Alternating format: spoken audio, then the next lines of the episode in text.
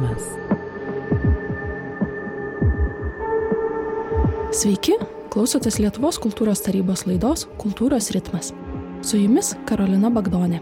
Šiandien kalbame apie Lietuvos kultūros tarybos pradžią, jos įkūrimo iššūkius ir pasiekimus bei ateities vizijas. Laidoje dalyvauja pirmoji Lietuvos kultūros tarybos pirmininkė ir dabartinė kultūros viceministrė Daina Urbanavičiane.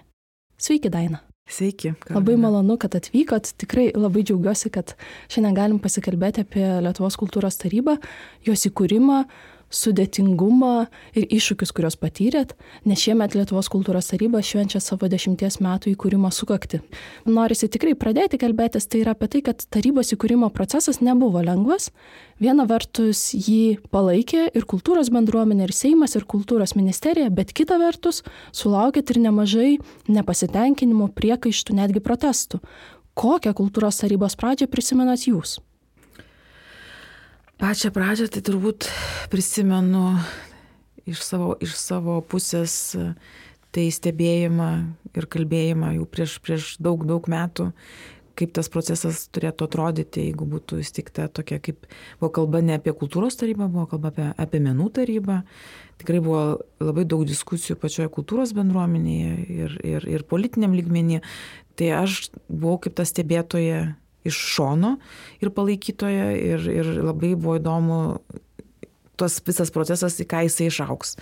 Tai pirmas dalykas, kad man buvo labai įdomu stebėti ir aš tikrai, kaip sakyti, ta, ta dalis visuomenės, kuri tą, tą poveikį, proveržį kultūros ir meno srityje labai norėjau matyti. Antras dalykas, kai jau realiai buvo priimtas įstatymas pagaliau, ne iš pirmo karto, tą jau minėjo ir, ir, ir Arūnas Gelūnas, Rūta Kačkutė, Tai kultūros pati bendruomenė, turbūt žinodama mano ir darbus, ir rezultatus, nes aš Vilnius Europos kultūros sostiniai dirbau nuo pat pradžių iki pat galo, irgi turėjau daug e, tų projektų, pradėjo mane skatinti e, dalyvauti tam procese, tapti kultūros tarybos nare, nes e, buvo šaukimas, kadangi jau buvo įstatymas priimtas, ministerija, kultūros ministerija paskelbė konkursą, kad atrinkt būtų galima tuos e, tarybos narius. Ir tikrai sulaukiau, buvau nustebusi, sulaukiau didžiulio, kaip sakyt, palaikymo ir, ir, ir to tokio skatinimo iniciatyvos, kad Daina, sako, eik, sako, tu turėtum ten būti.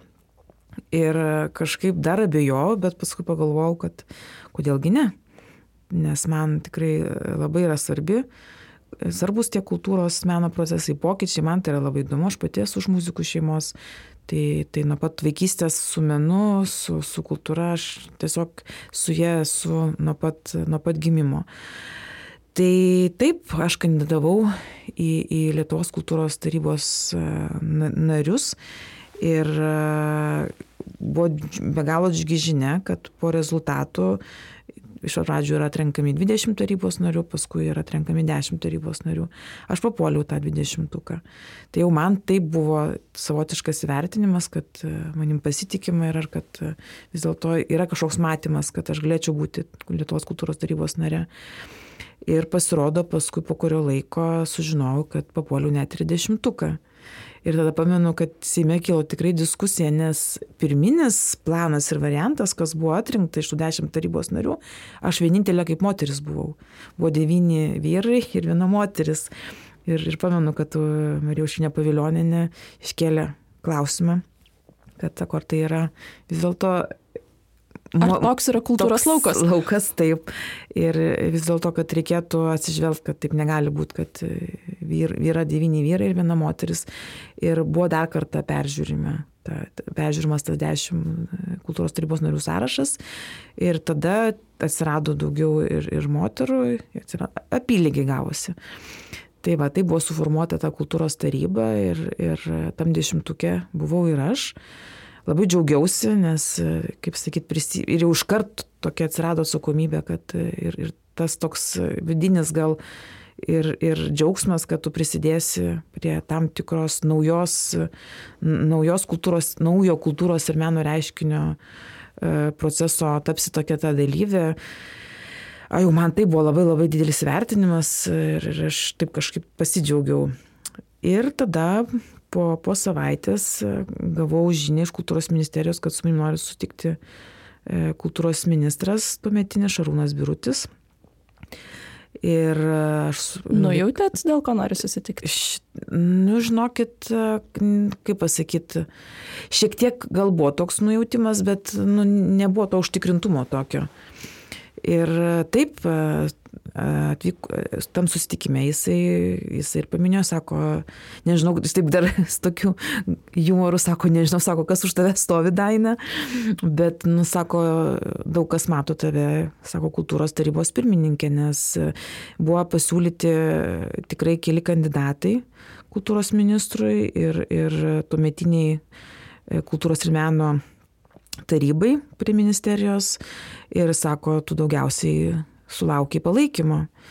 Mano, aišku, pirminė reakcija buvo, tikrai ne, nes aš turbūt įsivaizdavau, kad tai turi būti ar nacionalinės meno premijos laureatas, toks jau, kaip sakyt, ne kultūros vadybininkas žmogus, o jau konkretai sritinis ar atstovaujantis meno sritį.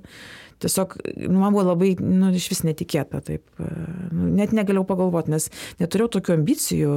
Iš, iš vis mano ambicija buvo apskritai sudalyvauti tam, tam taryb, kultūros tarybos kūrimo procesuose, procese.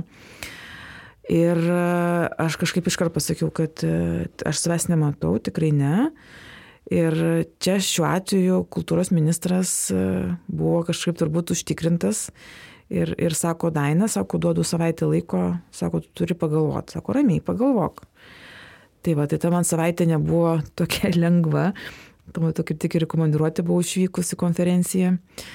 Tai pamenu, kad aš konsultavausi, aš tiesiog e, taip dar to tokio gal, ne tai kad nepasitikėjimo, bet to užtikrintumo, gal ar tikrai čia aš galėčiau imtis tam visam procesui, juo labiau, kad žinau, kad iš vis e, dar nu, viską reikės sukurti nuo nulio. Nieko nėra. Yra idėja, yra įstatymas, yra kultūros politikos gairės, kurio pagrindu ir, ir, ir, ir buvo kultūros taryba įkurta įsteigta. Tad e, konsultuodamas, kaip sakyt, nuomonius, tos surinkimas iš, iš kultūros bendruomenės, e, aš gavau tokį postumį, ta prasme, užtikrintumą, kad e, vis dėlto aš galiu bandyti. Ir aš sutikau, aš, aš tiesiog sutikau. Ir taip, tai buvo gegužės, nepamenu, ar trečia diena, kai buvau patvirtinta kultūros, Lietuvos kultūros tarybos pirmininkė ir nuo tos dienos pradėjau eiti pareigas. Tai tų iššūkių buvo tikrai pilna, dabar grįžtant į praeitį, tai jau, kaip sakyti, per tą tam tikrą atstumą žiūriu su, su šiluma savotiškai. Bet jeigu taip į pačią pradžią sugrįžus, tikrai buvo be galo daug iššūkių, nes realiai buvau viena. Ir sudėtingumas buvo tame, kad buvau dviejose pozicijose. Ir dabar tas yra ir įstatymė numatyta, kad kultūros tarybos pirmininkė yra ne tik, kad tu esi vadovauji ir kultūros pačiai, vadovauji kultūros tarybos narių susirinkimui, bet tu esi atsakinga ir už visą administraciją. Tai, kaip sakyt, esi vienas dviejose kėdėse. Tai, tai man toks buvo, kad aš turėjau pirmiausia su, suvokti ir suprasti, kaip aš tuos du dalykus suvaldysiu kaip, kaip e, kultūros tarybos nariai, kaip aš su jais dirbsiu ir kaip aš su pačia komanda. Kadangi buvau visiškai viena, tai buvo tarybos nariai, bet tarybos nariai visą laiką jie yra tavo, kaip sakyti, strateginė ašis, tavo pagrindas, o administracija turi visus darbus padaryti. Tai natūralu, kad e, pirmiausias iššūkis buvo susirasti, susiformu, susiformuoti tą pačią komandą. Neturėjom jokių patalpų, Tai tokiom dirbom partizaniniam sąlygom, nes jokio perinamo laikotarpio neturėjom. Viskas, iš karto prasidėjo. Iškart, iškart viskas prasidėjo. Tai jūsų pirma darbo diena buvo atėjti, reikia pradėti nuo nulio, bet nulis yra tikrai nulis. Nieko nėra išskyrus įstatymą, gairias ir taip toliau. Taip, tai turėjo, kultūros ministerijai buvo kabinetas, kuris buvo skirtas kultūros remimo fondui. Tai, tai ten penkis mėnesius ir, ir tupėjom. Tai va, bet e, viskas, e, kaip pasakyti, iš pradžių taip natūralu, kad kai tu atsisėdi ir tu kažkaip pajunti, kad tu nieko neturi, tu turi į kultūros tarybos įstatymą, tada yra biudžetinių įstaigų įstatymas, nes aš iki tol nedirbau ir nekūriau iš vis jokių įmonių tokių, ir ypač biudžetinė įstaiga. Bet e, buvo taip, buvo tokių baimių, bet kai labai didelės baimės atsiranda, tada tu turi susikaupti, tiesiog išsirašyti. Aš tiesiog pradėjau strategiškai dėliotis. E, Nuo ko pradėjot? Pradėjau dėlioti strategiškai pirmiausia, kokį, pro, ta prasme, kam buvo tas kultūros tarybos įstatymas, kokiu tikslu jisai buvo įsteigtas. Vienas dalykas tavo, tai tu prisėmė, aš tai prisimenu kaip tam tikrą misiją. Ir vis, tas dvi kadencijas man tai buvo tam tikros misijos e, atlikimas, įgyvendinimas ir aš esu labai laiminga. Tikrai tuo metu gal, kaip sakykit, ir, ir, ir tos sudėtingumo sąlygos visokių minčių kildavo, kad galvoju, nu, viskas nebegaliu. Kildavo noro mesti? E, šitą, bet tai buvo tokie momentiniai, kaip sakyt, dalykai, kurie, kurie po kurio laiko iškart tikrai paskui praeidavo, nes nu, vis laiką buvo tas matymas į priekį, kad vis dėlto aš turiu tą padaryti nes aš noriu prisidėti prie, prie, prie šito naujo proceso, prie to, tai yra tam tikra galbūt ir reforma, evoliucija ir, ir tai, kas padaryta per nepriklausomybės e, laikotarpį, ypač kultūros rytė, tai toks pirmas darinys, kaip sakyti, demokratizavimas kultūros politikos, kaip tokiam, tok, toks vienas pagrindinių žingsnių, tai mane tas, tas labiausiai vedė į priekį. Tai va, mano ta strategija buvo pakankamai elementari, paprasta, tai vienas dalykas yra, atsiskiri dalykus, kas yra susijęs su administracija, tu turi sukurti, susirinkti komandą, kitas dalykas yra taryba, kaip aš matau tarybos narių darbą, ką aš matau aplinkui pasaulyje, kas vyksta, nes tai nėra mūsų, mes nesame išimtis, kad čia mes vieninteliai kultūros tarybą turim. Taip, gal mūsų tas toks tas įvardinimas kultūros tarybos. Kad ne menų taryba. Taip, visur yra, yra menų taryba, bet čia turbūt buvo irgi tam tikras kompromisas, bendraujant tose diskusijose, dalyvaujant su kultūros bendruomenė, prieita, kad vis dėlto ne menų taryba, o bus kultūros taryba.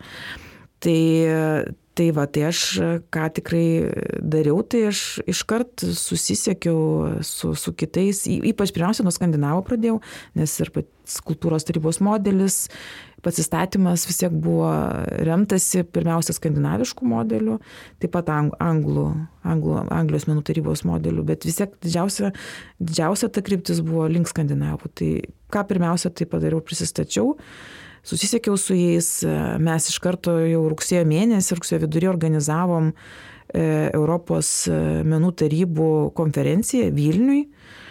Tai mes tik tai dar buvo keli mėnesiai ir, ir tikrai sulaukiu didelio palaikymo iš, iš Europos kultūros menų tarybų vadovų, nes jie buvo nustebę, jie net ne, nesuprato, neįsivaizdavo, kaip galima per kelis mėnesius jau tiek, tiek tų darbų padaryti.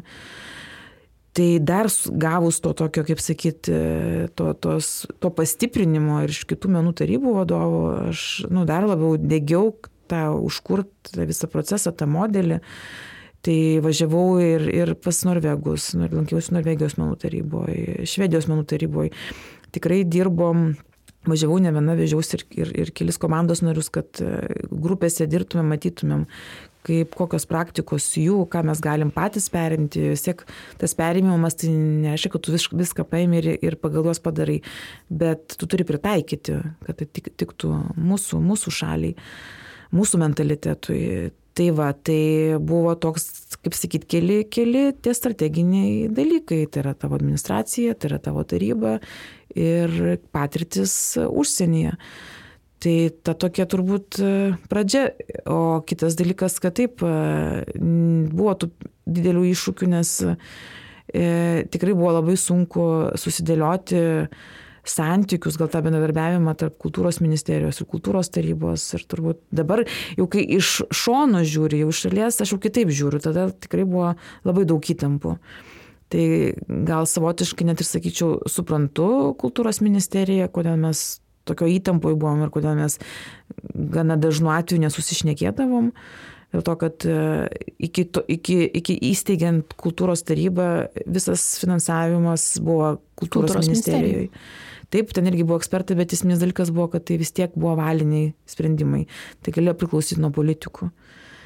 O, o dabar iškeliauja į visiškai atskirą įstaigą, iškeliauja finansavimas į kultūros bendruomenę. Čia nebėra jokio politinio įsikišimo ta prasme, ar spaudimo, tai čia irgi, tu turi atlaikyti tą spaudimą. Buvo tų tokių spaudimų, bet, kadangi jau turėjau politinės patirties, būdama Vilnius miesto tarybos nare, tai tam tikrų dalykų tikrai, tikrai buvo, bet tai tikrai sugebėjau išsaugoti tą patį principą, jeigu mes kūrėm tokį modelį demokratizavimo, jeigu tai vis dėlto dėl finansavimo sprendžia kultūros bendruomenė, tai yra ekspertai, patys tarybos nariai, visi yra iš kultūros bendruomenės.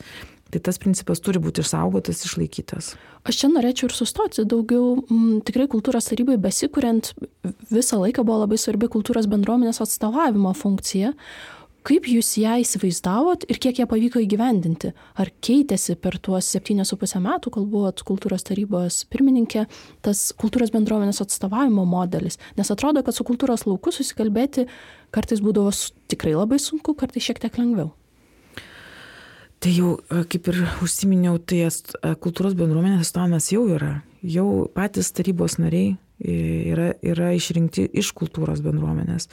Patys visi ir ekspertai, kur tikrai be galo daug ekspertų turi, iki 200 net kultūros tarybos duomenų baziai yra tų ekspertų, tai jie yra kultūros bendruomenės dalis.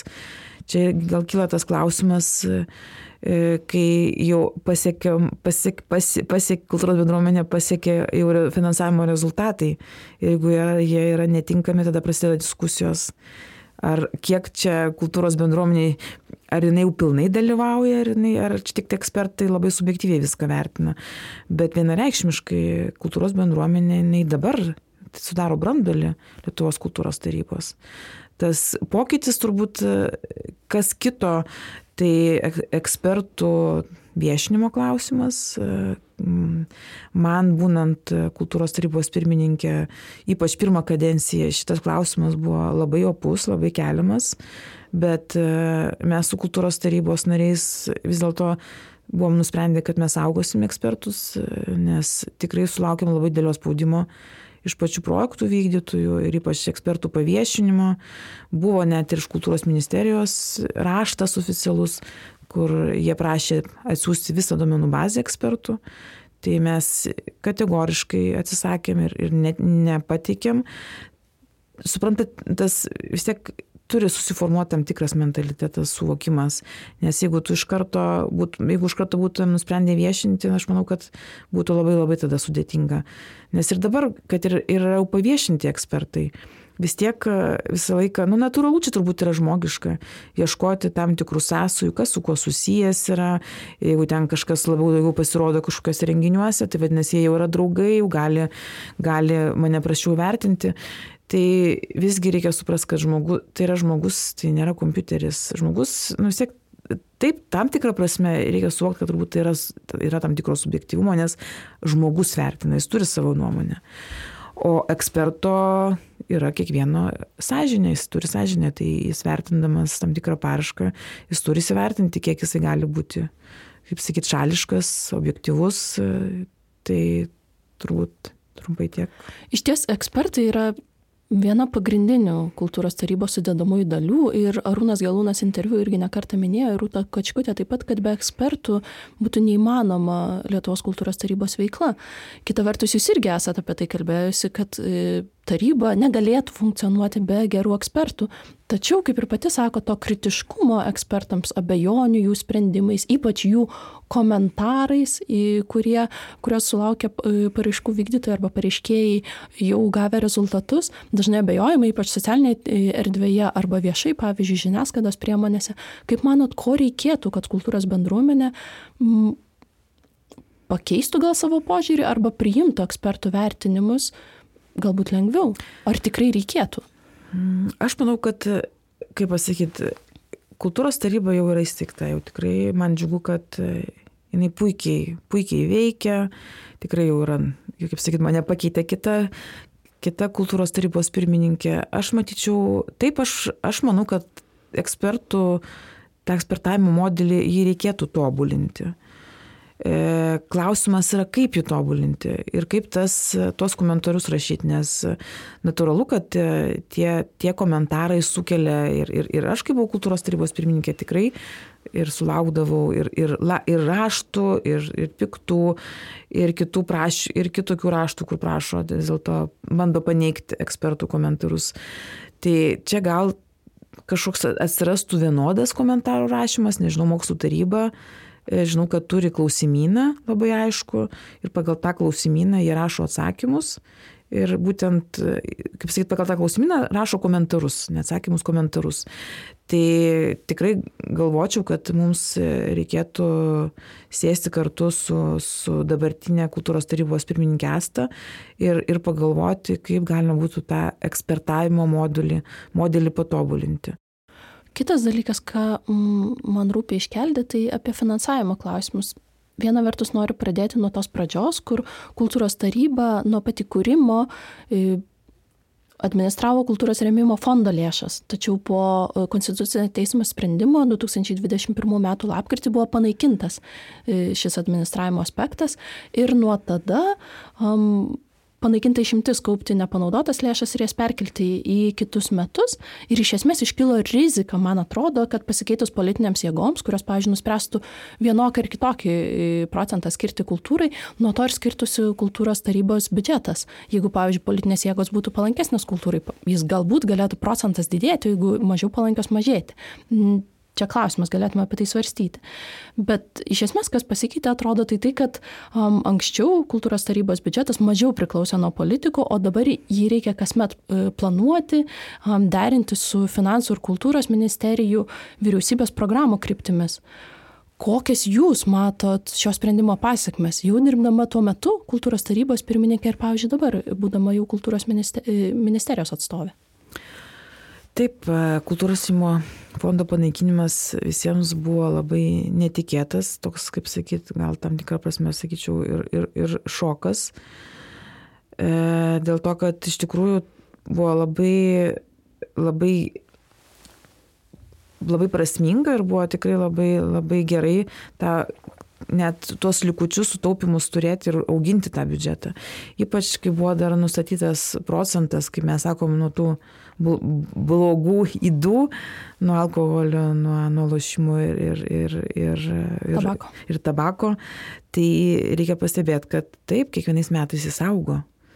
Tai biudžetas kiekvienais metais kultūros tarybos jisai didėjo. Šiuo atveju jisai, nu, kaip sakyti, dabar yra sustojęs tiek, kiek, kiek buvo skirta paskutiniais metais, tiek jisai yra likęs. E,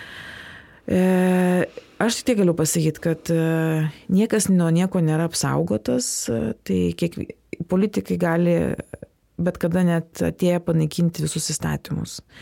Čia galbūt aš matyčiau vieną iš variantų galimų, man labai patiko Slovenijos e, menų tarybos modelis, kuomet jų įstatymą įrašyta, nežinau, gal dabar jie kažkiek yra pakeitę, bet pas juos yra fiksuota suma Tai prieš penkis metus, kai mes irgi čia darėm tokį kaip ir konferenciją vidurio ir rytų Europos menų tarybų Vilniuje, tai at, Slovenijos menų tarybos vadovas jisai pasakė, kad pas juos įstatymė rašyta, kad e, kultūros taryba, meno taryba gauna ne mažiau kaip 20 milijonų eurų. Ne mažiau. Per metus. Taip, ne mažiau. Tai vadinasi, jeigu nemažiau, tai tau yra fiksuota jausma, kad tikrai jinai bus, o paskui, ta prasme, jie, jeigu kultūros ministerija galvoja kažkokias naujas programas, arba kultūro, arba menų taryba pasiūlo Slovenijos kažkokias tikrai prasmingas idėjas ir, ir, ir pateikia poreikį, jie dar gauna papildomai. Tai galbūt vienas iš variantų tiesiog įstatymę fiksuot, kad tikrai būtų nemažiau, kad būtų bent žinotumėm, kad ta, ta tikrai pastovi suma, konkretinai tikrai bus užfiksuota. Bet vėlgi, bet kada gali tą panaikinti dalyką. Tai manau, kad e, dėl to planavimo kiekvienais metais e, šitą taip tai yra sudėtinga, bet e, tokie yra įstatymai. Kitas dalykas, kad kitos menų tarybos irgi, kiek, kiek teko bendrauti, kiek mes turėjom su, susitikimų, jos visą laiką visi akcentuodavo, kad pinigų tikrai trūksta ir kad daugelis susiduria su tuo irgi biudžeto, e, kaip sakyt, planavimo ta problema, kad tu turi apginti savo biudžetą. Kiekviena menų taryba, nežinau, kiek, kiek menų tarybų vadovai kalbėjo, kad jie eina irgi turi, turi apginti savo tos biudžetus. Aišku, kad galbūt tie modeliai yra, yra skirtingi, vieni gal yra tokie, kaip sakyt, labiau lengviau pritaikomi, kaip ir, pažiūrėjau, Kanadoje žinau, kad jie tikrai gali keliam metam užsitikrinti tą pinigų sumą, tai čia tikrai yra idealus variantas. Mūsų atveju taip yra sudėtingumas, kad mes kiekvienais metais, taip, tai, tai tam tikrą prasme priklauso nuo politikų, bet, bet yra tokia dabar situacija. Tai sakau, tai gal čia dar būtų diskusija, kad keis kultūros tarybos įstatymą ir galvoti apie tą fiksuotą sumą, kad ne mažiau Dar vienas aspektas, kurį jūs irgi esat minėjusi kitose interviu, apie tai, kad kultūros tarybos lėšos galėtų būti ne tik iš biudžeto, bet pavyzdžiui galėtų būti koks nors verslo ir menininkų bendradarbiavimas. Kitos menų tarybos, pavyzdžiui, e, Kanados ir Anglijos menų tarybos kaupia ir meno kūrinių kolekcijas, iš kurių nuomos gauna pajamų. Galbūt tai irgi galėtų būti sprendimas. Mm, būtų puiku, jeigu būtų kas pasakyti, viskas yra įmanoma, tik reikia, reikia sugalvoti ir sudėlioti tos procesus. Taip, aš, aš irgi galvojau, labai norėjau, kad kultūros taryboje būtų, kaip pasakyti, privataus verslininkų bendruomenės tam tikras surinktas biudžetas, kur irgi būtų ar kažkokia programa, kaip pavyzdys, mes galvom, ir aš tikrai su nemažai verslininkų buvau sutikus, kur būtų jauniems menininkams skirta, kur tikrai verslininkai skirtų paramą konkrečiai programai, kur labai būtų viskas aišku. Bet e, viskas diskusijose taip ir, taip ir, ir liko, nes viršininkam irgi daug kyla klausimų, abejonių, tai tas yra įmanoma, taip, bet reikia labai labai aišku tą modelį susidėlioti. Kitas dalykas e, dėl tų kolekcijų, kaip užsiminėt, kad tai ir nuomoja, ir iš to irgi gauna tam tikrus, kaip sakyt, gauna tam tikrą finansavimą ir užsitikrina didesnį menų tarybos biudžetą. Tai turbūt tai būtų irgi manoma, bet vėl reikia visą tą sistemą sugalvoti, nes tai nėra taip paprasta, kur tu kolekcijas laikysi, kaip jos bus naudojamos. Bet kai aš, kaip sakyti, kai pačioj kultūros taryba reikėjo kurti, man daug kas rodė, kad bus tikrai gal net neįmanoma padaryti, bet buvo įmanoma padaryti. Tai pavyzdžiui. Čia, pavyzdžiui. Aha, iš to, ką galvojat, kas buvo neįmanoma, o pavyko. Hmm. Vienu metu tikrai galvojau, kadangi buvo labai susipriešinimas didelis iš tikrųjų ir ypač turbūt to labiausiai, ko, ko, kokio reikėjo palaikymo iš kultūros ministerijos, e, jo, jo pradžio tikrai nebuvo. Ir vienu metu kaip sakyti, man tikrai atrodė, kad kultūros tarybos idėja galbūt net ir žlugs. Ir man tikrai atrodė, kad neįmanoma, nes buvo ir auditai pasiusti, atsiusti, kaip sakyt, ir buvo tam tikri irgi niuansai, apie kuriuos tikrai norėčiau kalbėti. Ir vienu metu atrodė, kad, kad tikrai nu, nepajėgs ir kad ta kultūros taryba bus kaip blogas pavyzdys bet, e, kaip pasakyti, strategiškai viską susidėliojus, pagalvojus, kaip sakyti, tai yra, kaip sakoma, karo taktikos, tai susidėlioji savo modelių, savo viziją ir eini prieki. Tai lygiai taip pat čia turbūt e, irgi reikia daug diskusijų, reikia užtikrintumo, kai tu žinai, ką tu darai, kam tu tą darai, tu dar gali padaryti. Dar vienas dalykas, apie ką norėčiau pakalbėti, tai tuo metu, kai jūs buvote kultūros tarybos pirmininkė, atsirado ir stebėsinos ir analizės skyrius, kuris atrodytų, pavyzdžiui, Šarūno e, Gelūno ir Rūtos Kačkutės interviu, kad jis turėjo atlikti tą tokią kaip rezultatų analizės lyg ir funkciją, bet iš tiesų, ką jisai darė, tai stebėjo kultūros ir meno procesus, darė įvairius kultūros lauko tyrimus. Kaip jums atrodo, koks buvo tikslas kurti tokį stebėsinos ir analizės skyrių ir ar pasiteisino? Jisai kaip jau ir įstatymė buvo numatytas ir aš manau, kad e, jisai privalo būti. Dėl to, kad iki, iki, iki to laiko iš vis nebuvo, kaip pasakyti, buvo taip, kultūros ministerija atlikdavo tam tikrus tyrimus, bet e, tokio, kaip pasakyti, dėl, ypač dėl finansavimo, ką mes finansuojam, e, tokių, kaip sakyti, ar tematikos tokios išgrinintos, kur jau kultūros bendruomenė labiau aktualios, to nebuvo daroma. Tad natūralu, kad aš iškart mačiau šitą skyrių ir, ir jis buvo įsteigtas iš karto, man, man atėjus, mano, toj, mano matymo, toj visoji lenteliai administracinėje. Tai taip, kaip sakyt, kaip, kaip tu gali tada analizuoti ir žinoti, stebėti meno procesus, jeigu tu nesusidarai, ne, ne nežinai, kaip sakyti, tu žinai, kad tu finansuoji, bet įsivertinti, kokio pobūdžio tie projektai yra, kokį jie poveikį daro, tai, tai yra privaloma. E, ir aš tikrai labai daug bendradarbiavau kartu su, su stebėsimus analizės skyriumi, ypač kai mes paskeldavom finansavimo rezultatus, tai visą laiką būdavo po mėnesio, kol mes pasidarydavom visas analizės įvairiais pjūviais, būdavo, kviesdavau, šaukdavau kultūros tarybos narių posėdį, kur mes analizuodavom analizuodavom, kur, kur kaip sakyt, kaip buvo tas paskirstintas finansavimas, kaip regionai atrodo, kokie projektai, kokie sritis labiau dominuoja, kokie tiesiog tada mes diskutuodavom, galvodavom, ar, ar matydavom, kad tikrai kildavo klausimų, kad matom, kad e, turbūt vienas rytis, pavyzdžiui, vienais metais liktai mažiau yra finansuojama. Arba net būdavo labai įdomu stebėti, projektų pobūdžiai net, prasme, skirdavosi. Vienais metais ten labiau, kaip pavyzdys, ar, ar, ar kažkokios kūrybinės dirbtuvės seminarai, kitur labiau, kitais metais labiau dominuoja visokie renginiai. Nu, tai, tai tu stebi ir žiūri tam tikrus procesus, tai tas stebėsinos analizės skyrius, jisai privalo būti, čia ko aš tikrai susitikinus.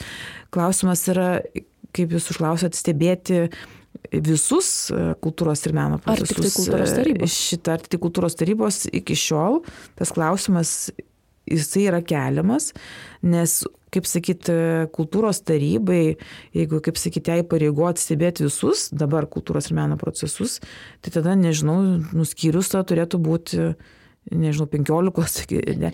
čia kaip strata yra, kur tikrai įstaiga, kuri jau, jau turi specialiai, kaip sakyti, kurta stebėti, analizuoti įvairius, įvairius ryčių procesus. Tai taip, tai dabar kol kas kultūros taryba tikrai labai daug daro ir pats stebėsnos analizės skyrius ir, ir, ir tikrai daug tyrimų yra suplanuota tiek bendradarbiaujant su kultūros ministerija, Tai kol kas nematau savotiškai galimybių, kad jinai viską galėtų stebėti. Kaip sakyti, viskas yra įmanoma, bet tada sėskim, dėliokimės ir žiūrėkime, jeigu tai yra įmanoma, tai tada kok, kokio lygio tas skyrius turi būti, kiek tada žmonių reikia, nes kultūros tarybai visuomet trūko žmogiškų išteklių nuo pat pradžių. Steigiant tą tarybą visą laiką aš susidūriau su šitą problemą. Ta pati dabartinė pirmininkė irgi kelia tą klausimą, bet mes kaip kultūros ministerija sprendžiam tuos dalykus ir, ir papildomai skiriam irgi etatų, tai net lyginant su tomis kultūros menų tarybomis, čia pat ir buvo visą laiką keliamas man klausimas kitų menų tarybų vadovų, kaip su tiek žmonių įmanoma daryti tokį darbą, ta prasme, taip procesus suvaldyti. Nes kitos menų tarybos, aš iš karto kėliau tą klausimą dėl žmogiškųjų išteklių, pirmus metus tik atėjus, turėjau iš visų menų tarybų susistus irgi žmogiškų išteklių, žmogiškų išteklių e, statistiką, kur labai aiškiai matėsi nuo šis, kur yra praktiškai iki šimto žmonių, mažiausiai 80 žmonių dirba menų tarybose, o mūsų buvo pradžioj numatyta 17. Tai dabar jinai išaugus, dabartinis skaičius e, iš administracijos yra išaugęs iki, iki 30, 29-30. Taip. Tai jeigu mes grįžtam prie irgi stebėjusios analizės, jeigu mes norim tą stiprinti kultūros tarybą, tai, tai ją reikėtų taip pat sustiprinti ir žmogiškais ištekliais. Bet mes, man kitoj pozicijoje dabar esu, kaip kultūros ministerija, tikrai stengiamės, matom, girdime ir, ir bendradarbiaujame. Jūs paminėjote trumpai apie regionus. Tai norėčiau sustoti prie dar vieno labai svarbos kultūros tarybos veikimo modelio aspekto, tai tolygios kultūrinės raidos. Ji buvo įkurta 2018 metais ir dabartinė Lietuvos kultūros tarybos pirmininkė Asta Pakarklytė yra minėjus, kad 2021 metais Lietuvos kultūros tarybos kartu su savivaldybėmis regionų sumanimams skirta suma siekė iš viso 6,55 milijonus eurų ir pradėjus įgyvendinti tolygios kultūrinės raidos programą finansavimas regionams didėjo beveik dvigubai. Kaip jums atrodo ir tuo metu kaip atrodė bekuriant šitą tolygios kultūrinės raidos modelį ko reikia kad tos meno patirtys visgi būtų prieinamos visiems? Tai aš pati pervažiavau visus visus regionus susitikau su visomis e, regioninėmis kultūros tarybomis. Ir tikrai, kaip pasakyti, tu kai sėdi sostiniai, tu turi visai kitą nuomonę. Mes mes tikrai esam savotiškai išlepinti, galėčiau tikrai pasakyti, išlepinti renginių kokybės. Nuvažiavus į regionus, tu, tu matai, kad ten tikrai trūksta labai daug daug e, to tokio potencialo, būtent kultūros vadybos potencialo ir jie nori, jie yra užsidegę, jie patys sako, mums labai trūksta žmonių kūrybingų, sakyti, jie turi tų kūrybingų žmonių, bet dėl kokybės, sako, mums nu, reikia labiau bendradarbiauti.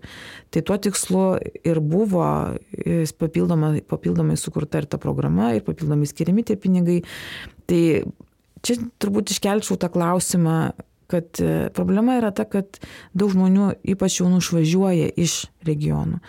Ta, tie žmonės, kurie gyvena ir gyveno ir gyvena iki šiol visai kitam, kaip sakyti, mentaliteto gal apvalkale, kaip sakyti, dar, dar jie, pra, tie renginiai įsisenyje yra nuo praeities jie neturi tos galimybės pamatyti, kas dabar sostiniai vyksta.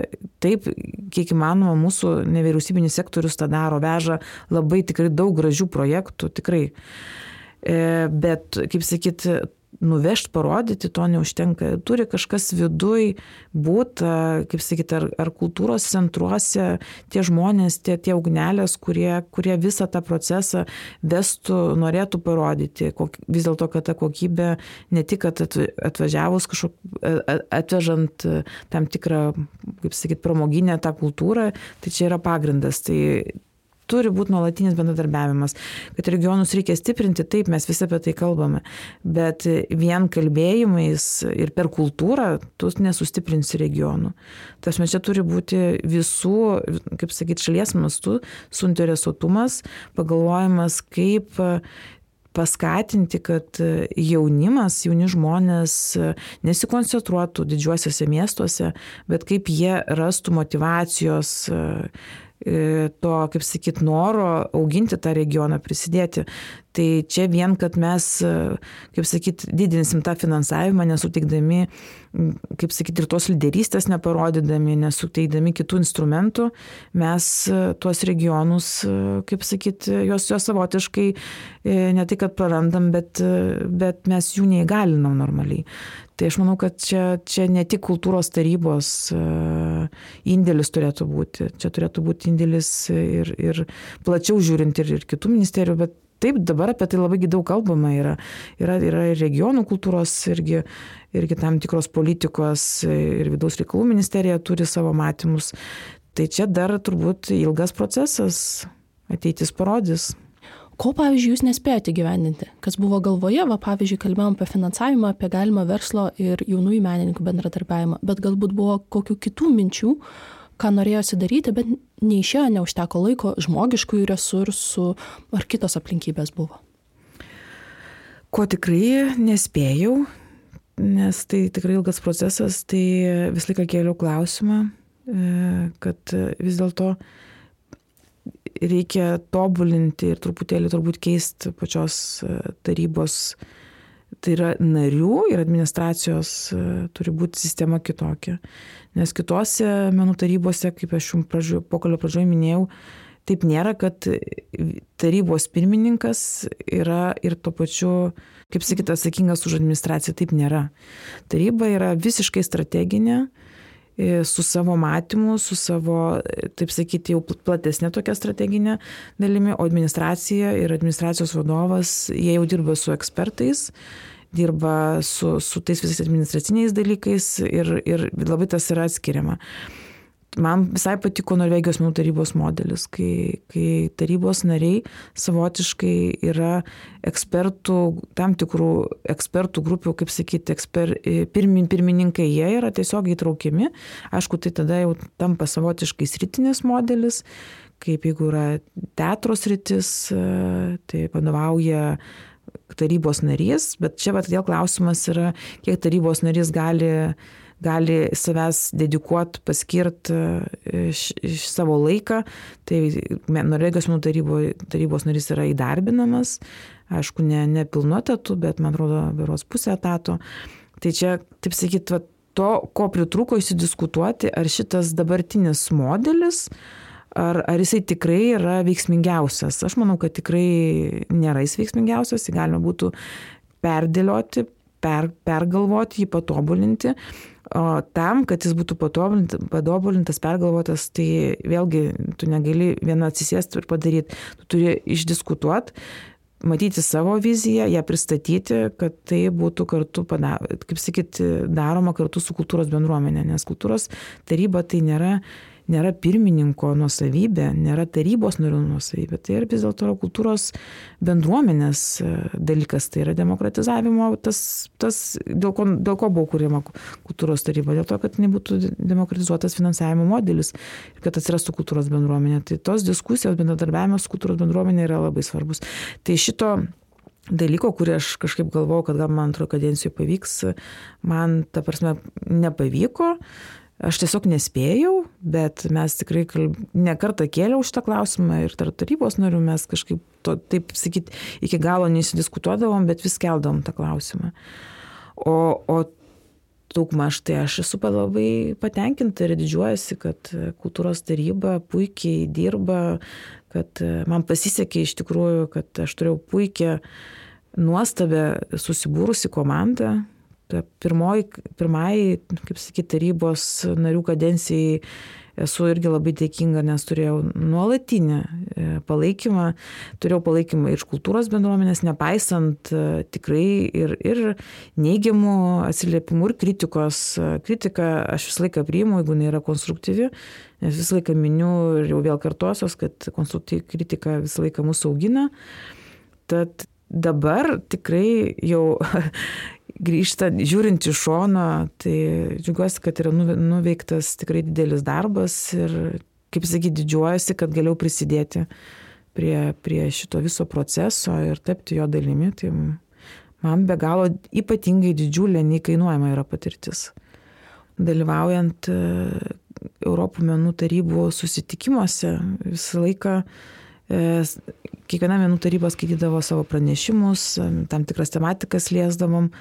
Tai visą laiką man tas noras, kad Lietuva kaip šalis lyderė vis tiek daro daug, visą laiką pristatydavau kultūros tarybos pradžią, kaip mes kūrėmės visus procesus ir Lietuva visą laiką buvo išskiriama ir, ir ją savotiškai didžiuojama, didžiuojamasi su nuostaba, kad jinai taip, taip tokia lanksti, kad jinai tiek daug daro.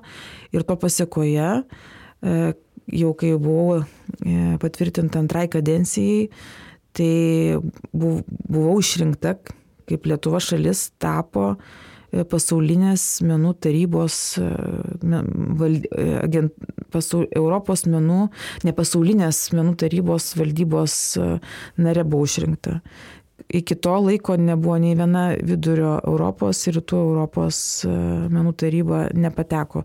Tai Lietuva kaip šalis e, su savo rezultatais, su savo lyderiavimu į tai buvo atkreipta dėmesys ir dėl to labai labai tikrai galiu pasidžiaugti, kad ir siekiau to, kad e, tam Europos pasaulio žemėlapyje Lietuva būtų labai aiškiai matytųsi, kad e, kaip greitai susirientuojanti ir greitai gali paleisti naujoviškus, gerus dalykus, procesus.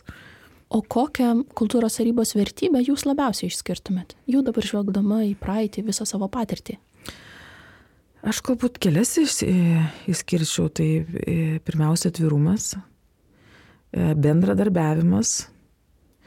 Tam tikrą prasme išskirčiau ir nesusireikšminimą, nes nuolat vis laik sakydavau kultūros tarybos nariams, kad e, mes negalim sėdėti bokšte ir iš visus iš aukšto žiūrėti, vis tiek, ta prasme, taryba neturi būti kažkas tokio, kas yra neprieinama. Ir taip, tas skaidrumo irgi tas dalykas užtikrinamas, nes visos šitos vertybės augina pasitikėjimą. O dabar, jeigu, pavyzdžiui, galvotumėt apie ateitį, kokią Lietuvos kultūros tarybą norėtumėt matyti po dešimties metų?